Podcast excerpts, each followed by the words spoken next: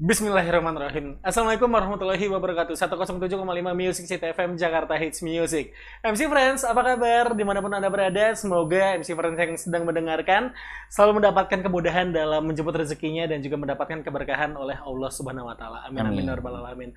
Baik MC Friends, ke- eh, tepat di jam 5 sore ini kita kembali lagi dalam acara Tazkiyah Kolbu bersamaan dari Music City FM dan juga Majelis Azikro. Dan di samping saya ini sekarang sudah ada salah satu panutan saya. Beliau adalah merupakan salah satu ustadz dari Majelis Azikro. Assalamualaikum Pak Ustadz Muslih Aziz. Waalaikumsalam warahmatullahi wabarakatuh Bang Apa Aska. kabar Pak Ustadz? Alhamdulillah sehat walafiat. Alhamdulillah. Semoga Bang Aska dan semua kita MC Friend sehat walafiat. Amin. Saya seneng banget kalau ketemu Pak Ustadz Muslih ini selalu tampil fresh, ceria, menampilkan Allah. dan juga men- menampilkan aura yang positif banget Pak Ustadz. Alhamdulillah. Amin. Tabassumuka ila wajhi akhika sadaqah. Senyummu untuk sahabatmu adalah sedekah. Alhamdulillah. kantong kosong kita senyum aja lah. sedekah. Benar-benar Sedekah yang paling ringan tapi berdaya senyum. eh, berdaya manfaat penuh hikmah di depan Allah Subhanahu wa taala. Insya Allah. Amin. Dan juga MC Friends, hari ini adalah merupakan eh, tema kita seru banget, menarik sekali, yaitu adalah bagaimana cara kita untuk lebih memantaskan diri kepada Allah Subhanahu wa taala terhadap diri sendiri juga dan juga terhadap umat Rasulullah Shallallahu alaihi wasallam. Dan juga MC Friends, kita sebagai umat manusia ini kadang lupa Pak Ustadz. Kita sering banget eh, melakukan kesenangan ya kan kita juga pastinya sering banget mengejar duniawi Hmm. sehingga kita kadang lupa untuk bercermin Mm-mm. sudah pantaskah kita di hadapan Allah? Ya. Sudah pantaskah kita di mata Rasulullah? Hmm. Iya, dan juga pastinya kita sebagai umat manusia itu selalu tidak akan tidak pernah luput dari kesalahan, Mm-mm. dari kehilafan, dan juga dari perbuatan dosa. Baik, Pak Ustadz Musli Aziz, tema hari ini memataskan diri kepada Allah Subhanahu wa taala. Mungkin bisa langsung dibuka, Pak Ustadz. Baik, Bismillahirrahmanirrahim. Assalamualaikum warahmatullahi wabarakatuh. Waalaikumsalam warahmatullahi wabarakatuh. Bismillah, alhamdulillah, salatan wassalaman ala rasulillah Muhammad bin Abdillah wa ala alihi wa sahbihi wa mawalah. La hawla wa la quwata illa billah amma ba'd wa ba'da tahiyyah. Rabbi a'udhu bika min hamazati syayatin wa a'udhu bika rabbi an yahdurun. Subhanaka la ilma lana illa ma 'allamtana innaka antal alimul hakim. La hawla wa la quwata illa billahil aliyyil azim. Alhamdulillah bersyukur kepada Allah di kesempatan sore menjelang maghrib Allah kembali bisa bersamakan kita. Allah hadirkan kita di satu program yang insya Allah buat kami ini adalah program membuka pintu surganya Allah Azza wa Jalla. Yang tentu saja harapan kita mengakses, menyaksikan, mendengar, menyimak ini semoga menjadi asbabiah Allah ridha mengampuni semua dosa-dosa kita. Amin. Allah maafkan semua salah hilap kita. Amin. Allah sehat afiatkan lahir dan batin kita. Amin. Allah bahagiakan kita. Di sini di dunia sempurna Allah bahagiakan kelak nanti di sana dalam jannah surganya Allah Azza wa Jalla. Amin ya rabbal alamin. Amin. Salat Amin. diri salam semoga terus juga tercurah limpah untuk Rasul tercinta Nabi Mustafa Muhammad sallallahu alaihi wasallam, keluarganya, sahabatnya, tabi'in tabi'un tabi'in insyaallah kepada kita semua. Sore ini sengaja Bang Aska kita akan angkat satu tema bagaimana kita bisa memantaskan diri di hadapan Allah saat kita melihat kita sendiri ya, dan saat kita bersama dengan umatnya Rasulullah Sallallahu Alaihi Wasallam. Ini yang menjadi inspirasi adalah ketika saya membuka satu kitab. Di sana ternukilkan kaulus sahabah pendapat satu di antara sahabat Nabi Muhammad SAW yang ia adalah menantu Rasulullah, ayah dari Imam Hasan dan Husain, istri dari Sayyidah Fatimah Az-Zahra di mana makalah beliau ini dikutip langsung oleh Syekh Syihabuddin Ahmad Ibnu Hajar Al-Asqalani seorang pembesar dari madhab Imam Syafi'i. Yang juga menariknya lagi disyarahkan oleh Syekh Muhammad Umar Al-Jawi Al-Bantani tokoh besar dari negeri tercinta kita yang kita sering disebut dengan Imam Nawawi Al-Bantani. Dalam kutipan itu disampaikan bahwa kun indallahi khairan nas wa kun indan nafsi syarrun nas wa kun indan nasi rajulan minan nas sahabat Ali itu satu di antara sahabat yang sangat kuat ya eh, dalam memainkan kata ya karena beliau juga seorang sastrawan ya maka cenderung kata-katanya singkat, padat, dan berima. Ya, puitis cenderung mengandung sastra. Ya. Lu sampaikan bahwa kun jadilah engkau indallahi di mata Allah khairan sebaik-baik manusia. Wa kun indan nafsi dan jadilah dirimu di hadapan dirimu sendiri. Ketika engkau bercermin dengan dirimu adalah sebagai seburuk-buruk manusia. Wa kun indan nas akan tetapi ketika engkau bersama dengan manusia yang lain, jadilah dirimu sebagai seorang rojul dari manusia yang lain. Kita akan lihat. Poin pertama, saat engkau menghadap Allah, Jadilah sebagai sebaik-baik manusia. Kita bisa mengukur kebaikan seseorang itu yang terbaik dengan indikator-indikator yang kita bisa bisa memberikan penilaian. Misalkan karena kalau urusan hati kita nggak bisa melihat ya. Tapi dari fisik penampilannya ya. Kalau kaitan misalkan menghadap Allah adalah ada sholat di antaranya saat dia sholat bagaimana penampilan dia bagaimana pembawaan dia, bagaimana persiapan dia, bagaimana keadaan sholatnya dia, bagaimana setelah sholatnya dia. Itu kan sesuatu yang bisa kita lihat. Nah, harapan dari Imam Ali, sahabat Nabi ini, jadilah dirimu saat kau menghadap Allah sebagai sebaik-baik manusia. Jujur, kira-kira kalau kita menghadap Allah, sholat tak taruh ya, saat kita sholat, maka bagaimana keadaan kita? Oke. Ya, itu kan untuk Allah kan maha baik. Allah kan maha bisa menerima. Yang penting kan rukun syaratnya terpenuhi, selesai. Betul. Ya, aurat kita tertutup, sholat benar. Untuk laki-laki antara uh, paat pusat dengan lutut. Seorang lelaki ketika menghadap Allah sholat, ya, dia tertutupi pusat sampai lutut, maka sah. Ya, betul secara fikih sah. Tapi pertanyaan kita, pantaskah kita ketika kita sandingkan mereka-mereka ketika menghadap Allah, maka kita seperti apa posisi kita? Jadilah dirimu saat kau menghadap Allah sebagai sebaik-baik manusia. Di ujung sana, hmm. ketika mereka menghadap Allah, betapa persiapannya sangat amat maksimal. Kadang kita menghadap Allah di sisa waktu, Bang. Iya, betul. Eh, zuhur. Kalau sempat. Ya, masih jam setengah satu. Iya. Terbaik dah ya kalau cepet-cepet banget wih dia alim bener dah ya Allah ya sholat kita menjelang waktu asar asar menjelang waktu maghrib maghrib kadang kita di perjalanan isya kita ketiduran bablas bukan itu sebenarnya kelas kita bukan di situ sebenarnya meski malu kita kalaupun untuk yang wajib saja kita masih ternyata begitu keadaan kita pantaslah Allah pun dalam mengapresiasi atas apa yang kita lakukan Ya seperti itu. Ada terkutip hadis Nabi Muhammad SAW, hadisnya sahih. Inna Allah yuhibbu abdan idha sana'a syai'an ayyuhsinahu. Allah teramat mencintai hambanya ketika hamba itu berbuat sesuatu, pasti terbaik. Berarti saat dia menghadap Allah, terbaik segalanya. Persiapannya bukan di ujung, last minute. Abang mau menghadap, maaf, direktur kita Askar nanti ketemu gue.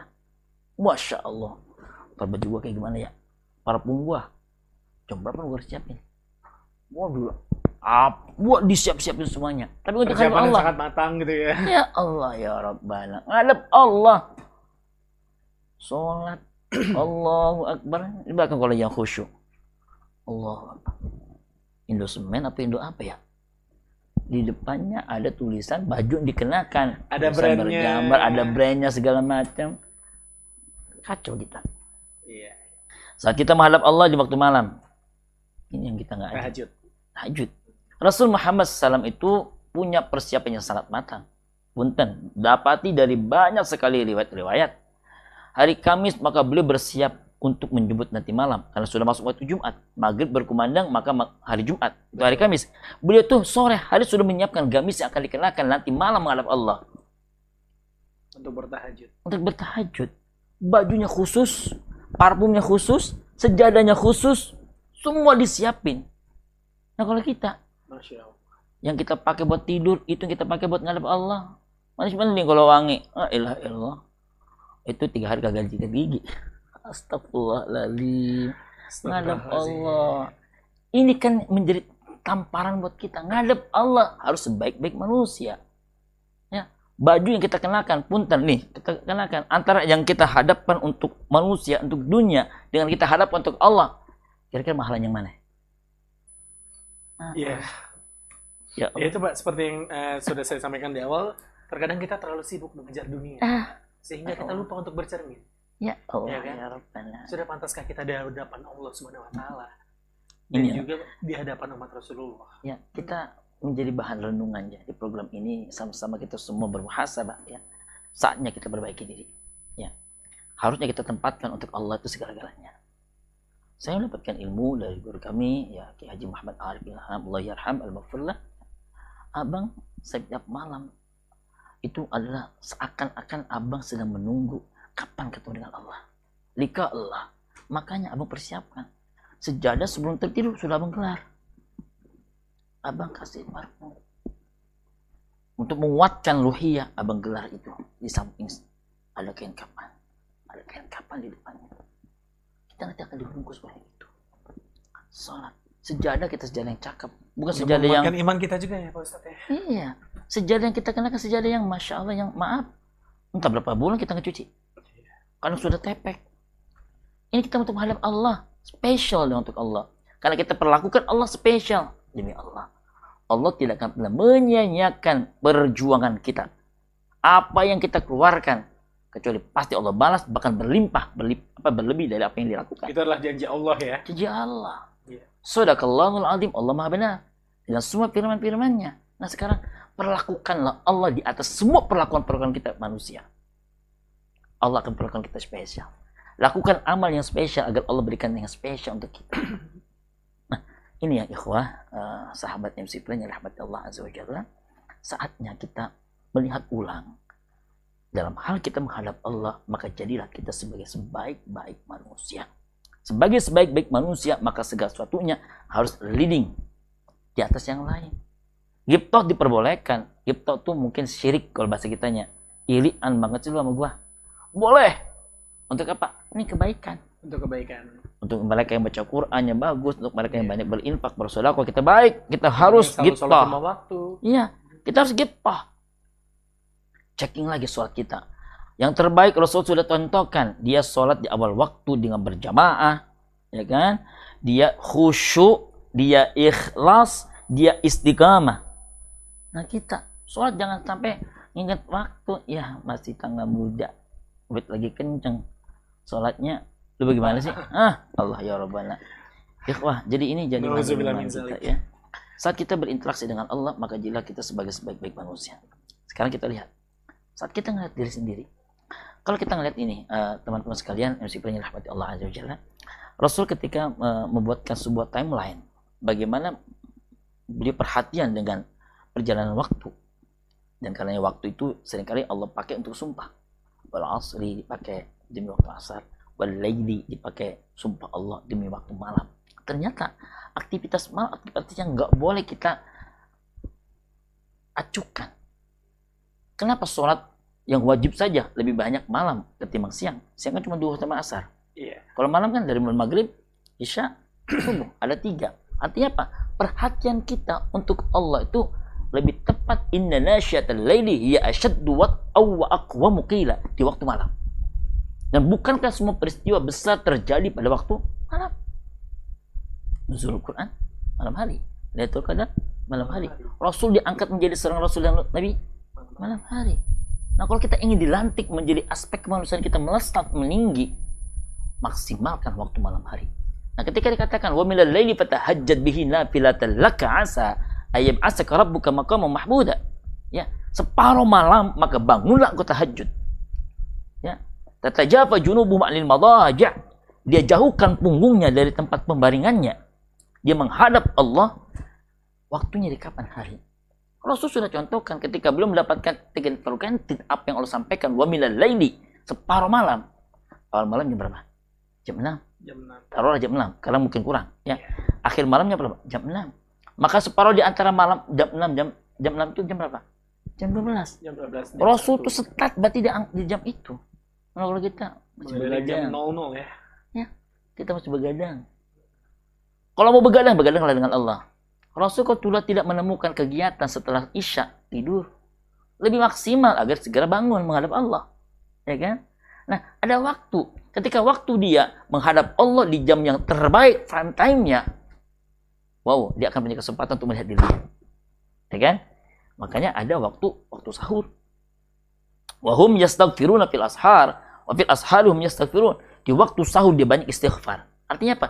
Dia banyak melihat dirinya. Nah, ketika dia melihat dirinya, kata Imam Ali, kun indam nafsi syarrun nas. Sebaliknya, ketika engkau melihat dirimu, maka kau adalah sebagai seburuk-buruk manusia. Jangan dirinya merasa paling, wow gue dong, gue gue ustad, gue ulama. Siapa lo? Ya.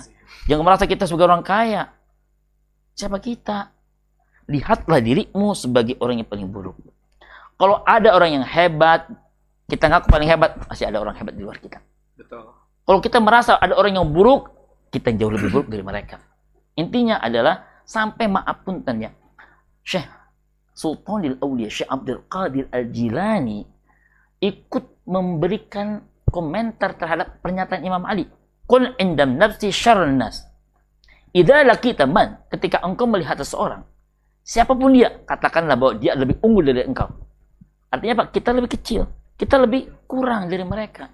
Ketika kau menyapa orang yang lebih besar, katakanlah, qad abidallahu min qabli, dia telah banyak beribadah kepada Allah. Ketika engkau melihat kepada orang yang lebih kecil dari engkau, katakanlah dia masih sedikit maksiatnya ketimbang engkau. Jadi kita ngelihat kita kurang. Ketika engkau melihat maaf punten yang kafir sekalipun, jangan pun mudah memponis, jangan sinis, jangan gampang menjustis.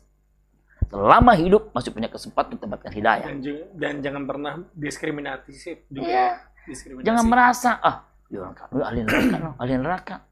Emang ada jaminan? Kita bisa akhirnya husnul khotimah. Selama Iya, hidup iya. tidak ada jaminan. Iya. Insya Allah yang istiqamah. Ya kan?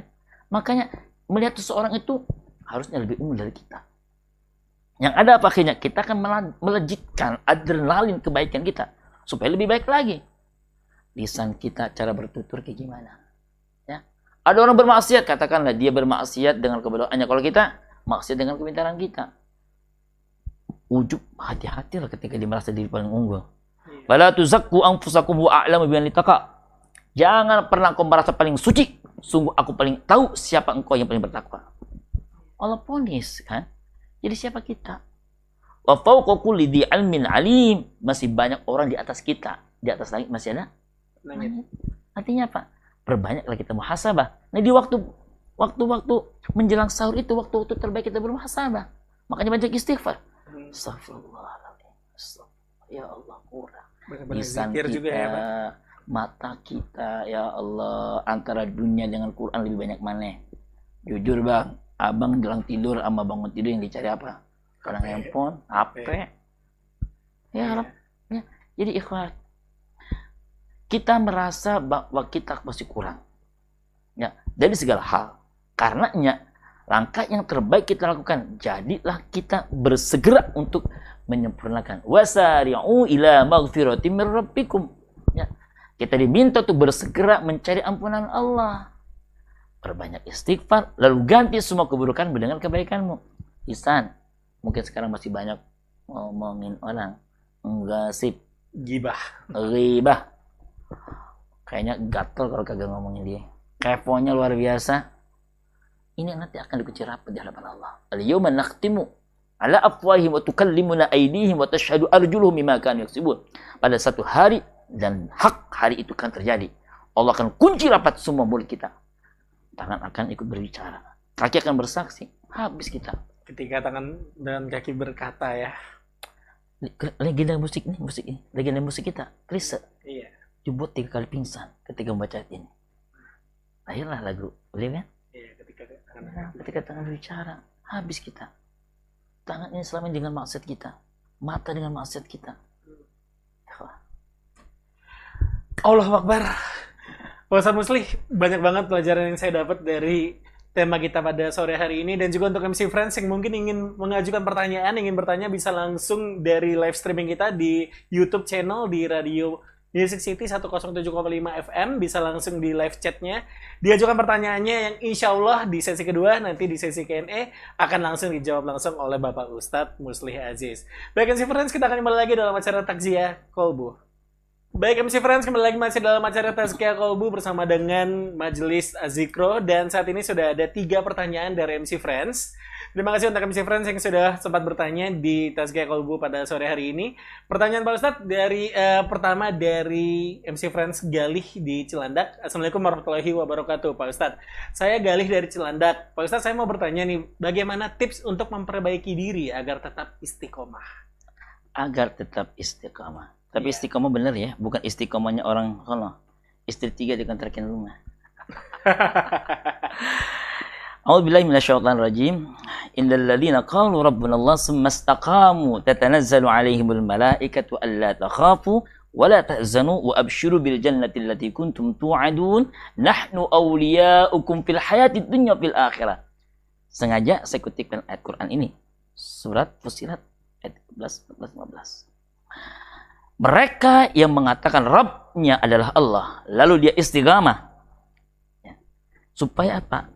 Agar ini menjadi stimulus, inspirasi kita agar berada tegak di jalan Allah Azza wa Jalla dan di atas sunnah Rasulullah Sallallahu Alaihi Wasallam. Al-Quran menyampaikan siapa yang istiqamah, ya, dia sudah mengatakan Allah sebagai Rabbnya, berarti percaya Allah yang mengatur segala-galanya dalam hidup, ya. Lalu dia berdiri tegak, dia akan mendapatkan satu keadaan yang sumber. Jelang wafat dia, selalu senantiasa ada saja malaikat yang menolongnya. Jangan pernah takut dengan apa yang akan terjadi. Jangan pernah bersedih dengan yang sudah terjadi. Bahkan ketika hidupnya, ketika di istiqamah, demi Allah yang adalah semangat menjemput kebaikan dan kebahagiaan. Kenapa? Merasa bahwa malaikat akan bersama dengannya. Berarti ini yang yang nyangkan bahwa ketika kita istiqamah, malaikat menyertai kita dan seraya membisikkan di telinga kita, kau tidak usah takut, kau tidak usah pernah khawatir. Yang udah terjadi sudahlah dan akan ada banyak kebaikan setelah ini. Mengapa yang membahagiakan? Wa absyiru bil jannati allati kuntum tu'adun. Kabar gembiranya adalah orang yang istiqamah, dia akan mendapatkan surga yang dijanjikan oleh Allah Azza wa. Yang ketiganya, nah yang bahagia buat kita. Nahnu awliya'ukum fil hayati dunya fil akhirah. Kami sendiri. Allah menggunakan redaksi kata nahnu bukan anak. Nahnu itu berarti mutakallim ma'al ghair. Yang berbicara dan juga yang semua terlibat. Berarti artinya apa? Malaikat turut serta. Makhluk-makhluk Allah yang lain akan ikut menolong urusan dunia dan akhiratmu. Nah, Kang Gali, ketika Kang Gali istiqamah, percayalah bahwa semua urusan dunia kita, semua urusan apa pun kita akan dimudahkan oleh Allah Subhanahu wa taala. Janji Allah. Janji Allah. Istiqamah khairu min alfi karamah. Bahkan kalau kita katakan bahwa mereka para wali Allah punya banyak karamah, ini Allah kalah dengan orang yang istiqamah.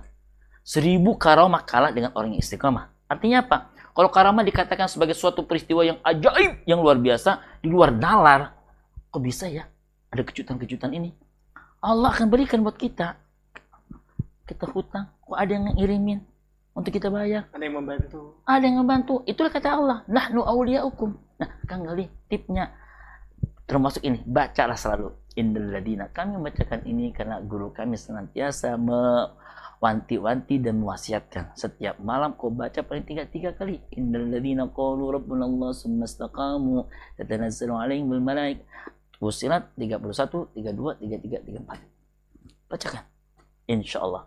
Yang lainnya adalah bergaulah dengan orang-orang yang juga istiqomah, orang yang soleh kalau kita bergaul di tempat yang nggak pas, kita akan mulai terseret. Iya. Punya grup-grup yang kira-kira sevisi, semisi gitu. Iya betul Pak Ustaz. Seperti uh, kalau misalnya kita berteman, bergaul dengan tukang parfum, pasti wanginya nah, juga wanginya kan kita kena, dapat. Iya. iya kan? Maka di antara tip efektif adalah bentuklah biah. Biah itu iya. apa? Lingkungan. Lingkungan bisa circle. melalui ya circle bisa dengan dengan grup-grup yang kita punya atau yeah. memang kita punya pengajian halako halako tertentu liko liko tertentu majlis majlis tertentu demi Allah itu yang akan menyeret kita berada di garis istiqomah. Iya Pak Ustadz. Okay. Karena saya sendiri pun juga masih dalam tahap untuk istiqomah. Insya Allah. Iya. Semua jadi, kita. mulai merubah circle pergaulan. Ya. Iya, Hmm. dengan teman-teman yang Ya, lebih soleh. ya, insya Allah. Iya. Pak Ustadz mungkin bisa disebutkan lagi nih, mungkin eh, dalam ayat berapa tadi untuk kepada Galih dan juga untuk MC Friends agar Oke, bisa lebih istiqomah lagi. gini, gini. Iya.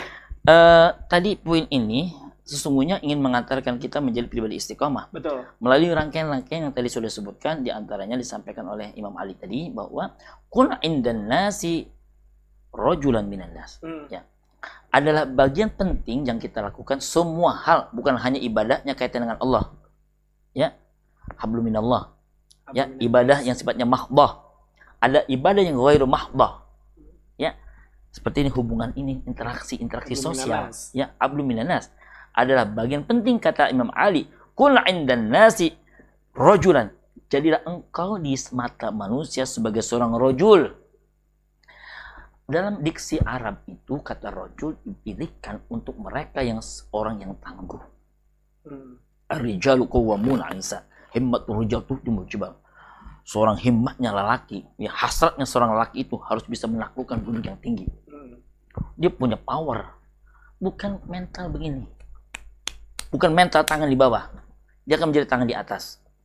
Dia akan menjadi sosok yang memberi, memberi berbagi filantropi. Bukan mengemis. Apa kebanggaannya dengan semua ini kita punya? Kalau itu adalah boleh ngutang. Infrastruktur dibangun dari ngutang. Eh ilah bangga bener. Berdiri di atas kaki sendiri bro. Iya betul. kan begitu?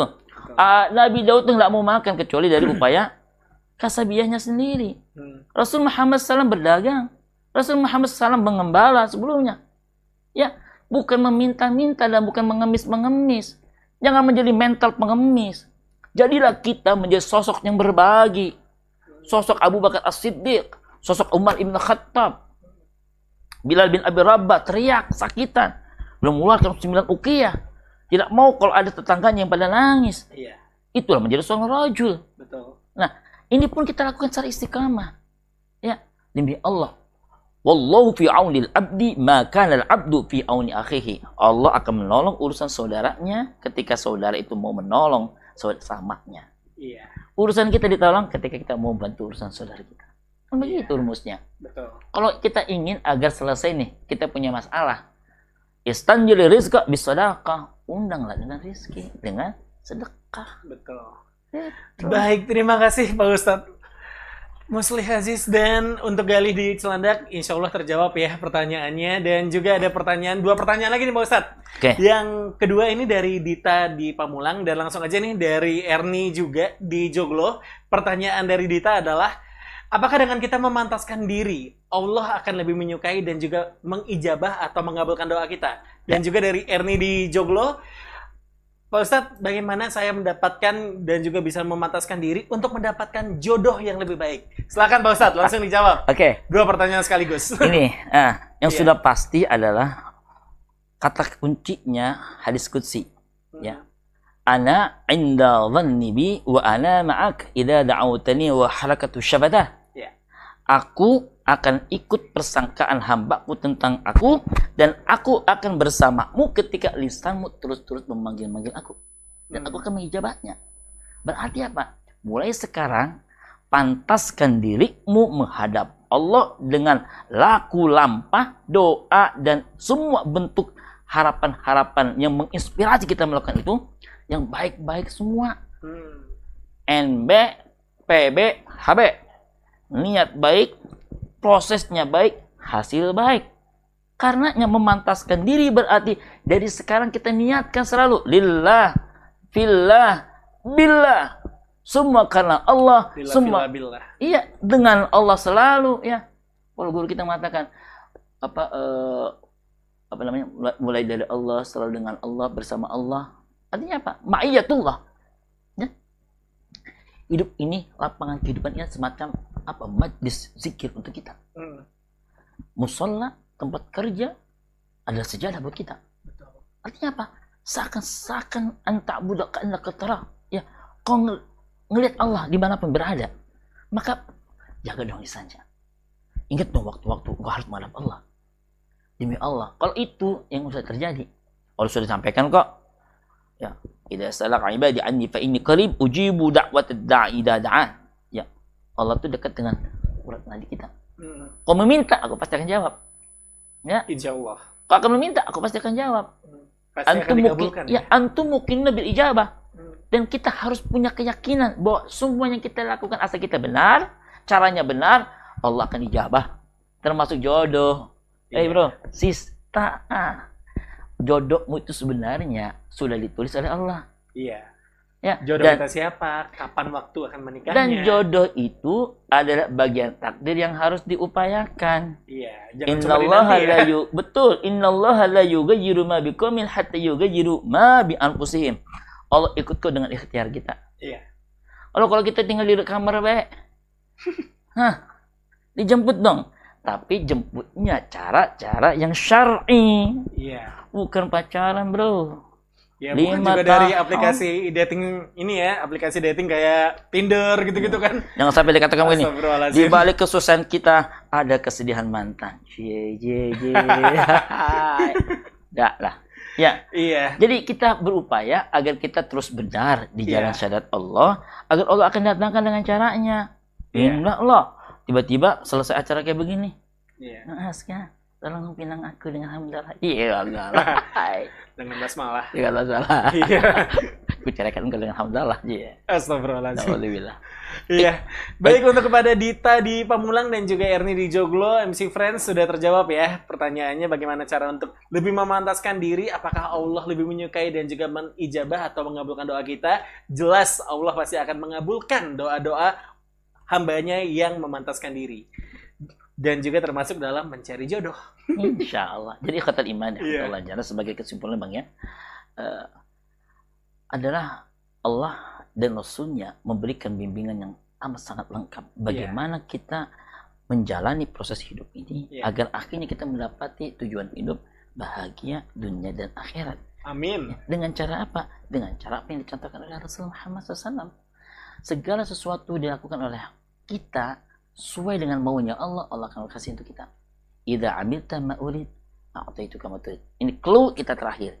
Idza amilta ma urid. Jika kau melakukan sesuatu yang aku mau, aku akan melakukan apa yang kau mau. Kata Allah Azza wa Jalla, ikuti maunya Allah agar kita diikuti maunya oleh Allah Betul. maunya kita dipenuhi oleh Allah, ikuti dulu maunya Allah. Dan cash Allah akan berikan kepada kita. Hanya waktu. Hanya waktu. Dan Allah suka dengan orang yang mau bersabar. Hanya waktu yang menjawab ya. Ya. Dan Allah akan senang ketika hamba itu mau bersabar, menjalani semua proses ini. Kenapa? Karena balasan orang yang bersabar itu adalah tidak akan ada batasnya kecuali surganya Allah Azza wa Jalla. Baik. Kata iman, Allah Azza wa Jalla. Di penghujung ini, mari kita semua mohon kepada Allah agar kiranya hati kita, niat kita semua dijaga oleh Allah Subhanahu wa taala dan apa pun yang kita mohonkan kepada Allah semua dikabul oleh Allah Subhanahu wa taala. Na'budu wa iyyaka nasta'in. Ihdinas siratal mustaqim. Shiratal ladzina an'amta alaihim. Ya Allah, ya Rabbana perkenankan semua kami bertobat sebelum kami wafat. Kami dapat rahmatmu detik-detik kematian kami, ya Allah. Kami dapat ampunanmu setelah kami wafat. Ringankan semua kami menghadapi goncangan syakaratin maut. Wafatkan kami semua husnul khatimah. Ya Allah, ya Rabbana lebih berkah urusan kami. Berkah rumah tangga kami. Berkah di tempat tinggal kami. Berkah di tempat aktivitas dunia kami, ya Allah. Ya Allah, ya Rabbana bahagiakan semua kami. Di sini di dunia sempurna bahagia kelak nanti di akhirat. Rabbana atina fid dunya hasanah fil akhirati hasanah wa qina adzabannar. Walhamdulillahi rabbil alamin. Mohon maaf lahir dan batin. Terima kasih Bang Azka. Wallahu muwaffiq laka min tariq. Subhanakallahumma bihamdika asyhadu an la ilaha illa anta astaghfiruka wa atubu. Assalamualaikum warahmatullahi wabarakatuh. Baik MC Friends, inilah tema kita pada sore hari ini di Tasgiyah Kolbu bagaimana agar kita lebih memantaskan diri kepada Allah Subhanahu wa taala di hadapan diri sendiri dan juga di hadapan umat Rasulullah. Terima kasih banyak Pak Ustadz Muslih Aziz telah memberikan tema dan juga pembicaraan yang sangat menarik banget pada episode kali ini. Dan juga untuk MC Friends yang sudah menyimak dari awal dari jam 5 sore tadi, terima kasih telah menyaksikan dari live streaming YouTube channel Radio Musik City 107,5 FM. Kita akan ketemu lagi minggu depan Pak Ustadz dalam acara Tazkiyah Kolbu dari Musik City FM. Wabillahi walhidayah. Wassalamualaikum warahmatullahi wabarakatuh.